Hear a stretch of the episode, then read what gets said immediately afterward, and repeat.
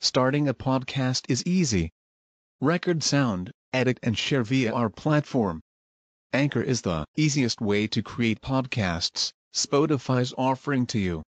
Distribute your podcasts to the most popular listening platforms, including Spotify, Apple Podcasts, Google Podcasts, and more, with just one tap. Download the free app to start your podcast with the versatile platform from Anchor. Thank you.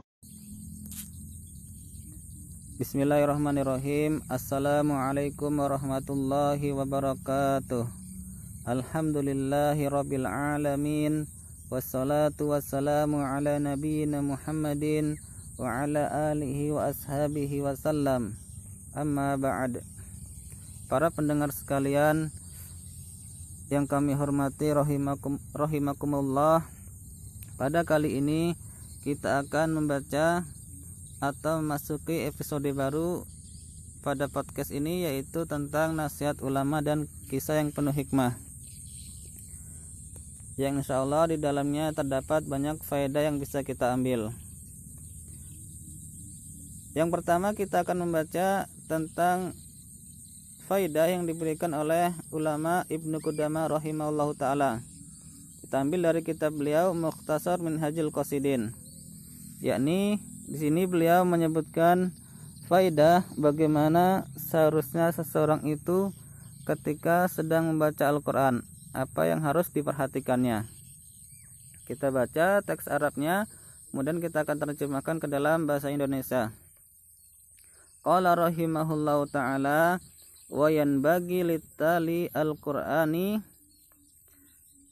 an ya'lama annahu maksudun bi khitabil Qur'ani wa wa'idihi wa annal qasasa lam yarid biha samru balil ibru.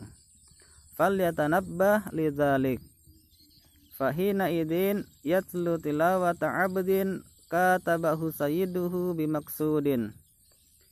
Wal yata'ammal alkitaba wa ya'mal bimuqtadahu.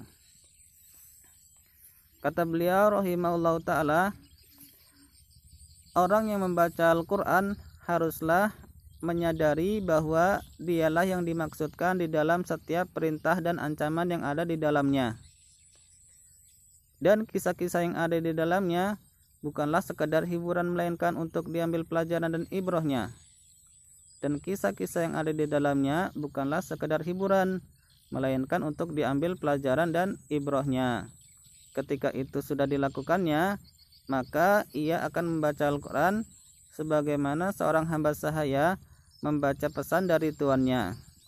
Dia harus membaca tulisan tersebut dengan cermat dan mengamalkan isinya.